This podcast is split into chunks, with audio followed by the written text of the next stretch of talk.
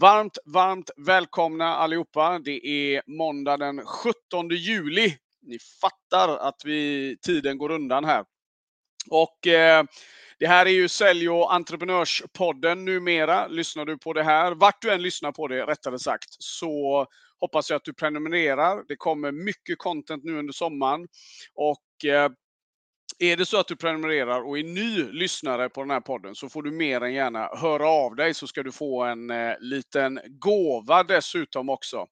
Det här är ju en livepodd som spelas in live på LinkedIn och sen lägger jag upp detta då på Sälj och entreprenörpodden som ni hittar där poddar finns. Och eh, som sagt, är du ny lyssnare så får du mer än gärna gå in och eh, ge den lite ratings och eh, eh, höra hör av dig så ska jag komma med en liten gåva. Alla de här livesändningarna ligger nämligen där också, så att där hittar du hur mycket säljträning som helst. Då så, idag ska vi snacka om det här med marknadsföring versus försäljning. Den eviga kampen mellan det vi ofta tycker är lite roligare, enklare och det som många drar sig för. Men båda behövs och jag tänker att vi ska bryta ner de här två lite och också försöka hitta en, ehm, ett, ett starkare varför till varför vi behöver jobba med det, inventera det emellanåt. Och sen som vanligt kommer du också lämna med lite tips i slutet här som eh, du kan få med dig nu över sommaren. Så eh, yes! Alla ni nya som är inloggade, är ni på tårna så eh, ge en reaktion eller någonting. Så jag ser att ni är vakna. Och vi ska ta och sätta igång som sagt. När det gäller marknad och sälj då, då så är det ju trots allt så att eh, båda två delarna, de, de behövs utan tvekan. Eh, när det gäller marknadsföring så har ju det varit någonting som har varit lite mer exklusiva i den relationen, medan säljet har oftast ansetts vara lite av ett nödvändigt ont. Och under en period i näringslivet så var det väl så att de här två kunde jobba på separata plan och ehm, ja, kanske inte bry sig om varandra så himla mycket, även om det är det som de ska göra då. då. Eh, men idag, mer än någonsin, så måste de här två avdelningarna arbeta liksom i symbios för att vi ska skapa så bra eh, processer som möjligt. Då, då om vi tittar på marknadsföringen så ska ju den liksom till för att vi ska involvera, vi ska inspirera, vi ska utmana våran målgrupp, vi ska skapa medvetenhet. Det ska vara värdeskapande som gör att vi kommer till den punkten att eh, ja, det ska bygga varumärke, det bygger förtroenden och det bygger värde och tillit ute på marknaden. Och det här var ju, det, det är ju jättemycket delar och då måste vi ju titta på ja, men hur, mycket, hur mycket kraft lägger vi på det här? Jag rör ju mig ofta till alla som driver eget företag, konsulter, jurister, arkitekter, spelar ingen roll var du är. Eh, storföretagen, de, de, de vet att det här ska till och de har avdelningar. De behöver träning i annat. Men när det gäller småföretagare där ute och många säljare så är det här någonting som vi gör det lite då och då. Det är lite pö om pö. Det är inte mitt specialområde, så jag gör det när jag känner för det ungefär. Va? Men marknadsföringen, den kan liksom aldrig ta slut. Vi lever i en tid där du kan vara hyperrelevant på måndag och vara helt bortglömd på fredag. I princip så kan det gå så fort.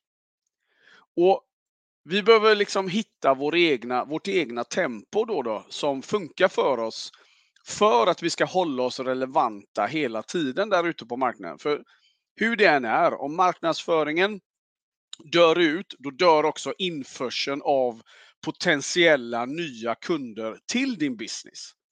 Så ska vi skapa magi där ute på marknaden, ska vi gå ut och liksom bygga bra eh, business då, då, så måste ju den här delen vara eh, superaktiv hela tiden.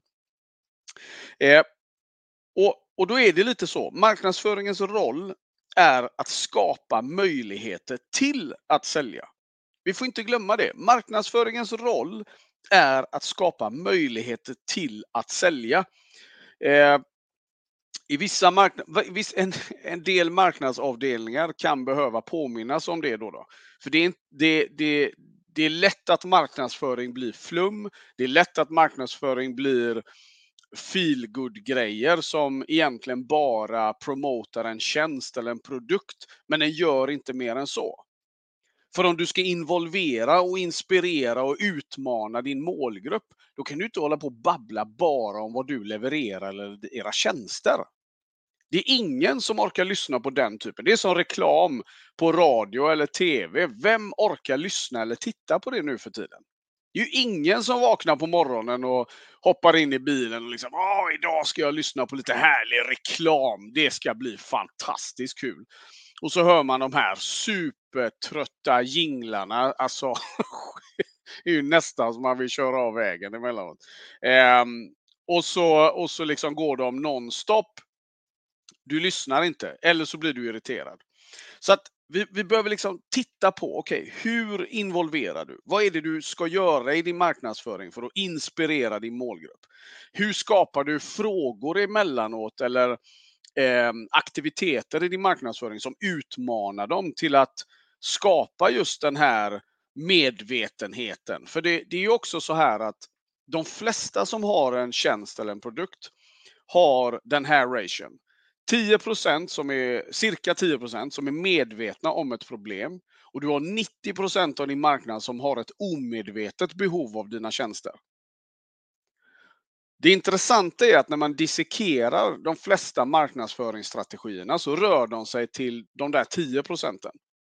Och så missar vi en enorm del av marknaden som har ett behov, men vi har inte hjälpt dem till att förstå vad, vilka behov de har då. då. Så att, eh, så att den, den marknadsföringen blir döv. Så det här är någonting som jag vill att du tar med dig härifrån. Att verkligen titta på liksom, eh, den ration och varför du... Hur mycket, jag menar, räkna på det. Allt du har sålt hittills. Om du leker med tanken att du har nio gånger mer i försäljning om din marknadsföring blev vassare. Vad hade du fakturerat nästa år? Vad hade, du, vad hade bolaget omsatt nästa år? Hur mycket hade du tjänat nästa år? Ganska intressant tanke.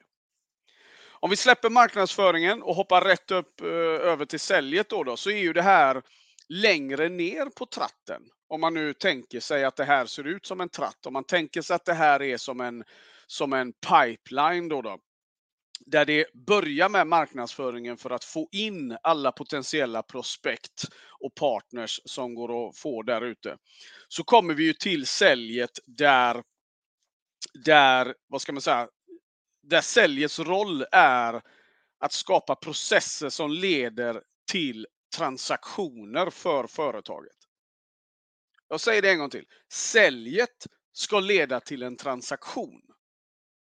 Antingen i eh, pengar eller i partnerskap eller i något annat. Eller en, en ambassadör då, då. Så att tittar vi på vad, vad, vad transaktionerna ska alltså vad, vad säljet har för roll så är det så lätt att också där flumma iväg emellanåt. Men påminn dig själv om att marknadsföringen, den har en roll och säljets roll är där för att skapa intäkter. Säljet sker ju oftast inom B2B-världen då, då genom one-to-one-möten, det sker genom gruppmöten, det sker genom e-handel. Det finns ett par olika plattformar som, ehm, eller miljöer som ett sälj kan ske. Men det viktiga är att oavsett då, då när du sätter igång med försäljningsaktiviteterna så ska ju det här egentligen vara en förstärkning från det som har skett ur marknadsföringen. Det vill säga att det ska finnas en röd tråd redan från marknadsföringen in i säljet, in i kundmötet så att det finns en igenkänning. För ni ska, det är också det här att vi behöver förstå att ett, ett säljmöte har ett medvetet, en medveten del och en undermedveten del. Vi kommunicerar på ett medvetet plan och på ett undermedvetet plan. Det är därför ni har hört allt det där. Liksom. Ja, men det är 7-15 procent av vad du säger som egentligen är, alltså vi känner, vi, vi, vi känner in, vi, vi, vi smittar en känsla på de här mötena. Eh, vi smittar intentioner. Alla de här grejerna händer på ett kundmöte. Och en riktigt, riktigt skarp säljprocess knyter an till vad marknadsföringen har skapat där ute.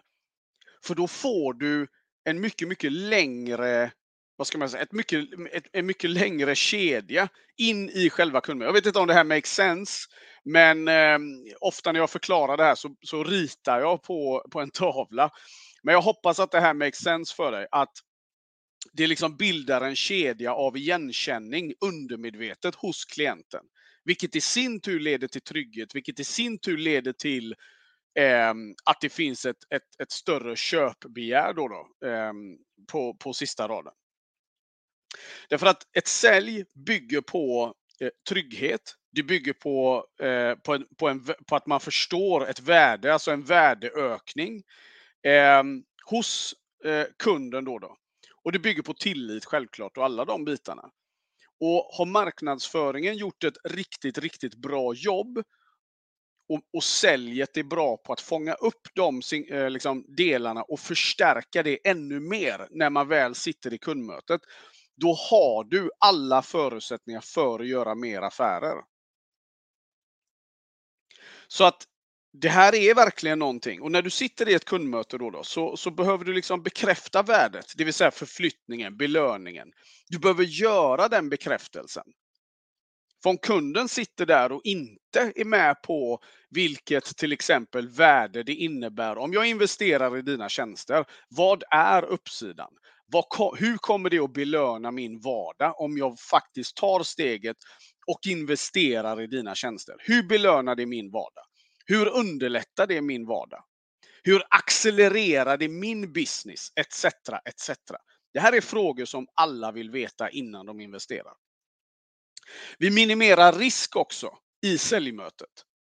Ett säljmöte är inte bara uppsidan av själva tjänsten du levererar, utan det handlar också om den minimerade risken med att investera. Det vill säga, ja, jag tror ni förstår vad jag menar, men, men om du tänker så här.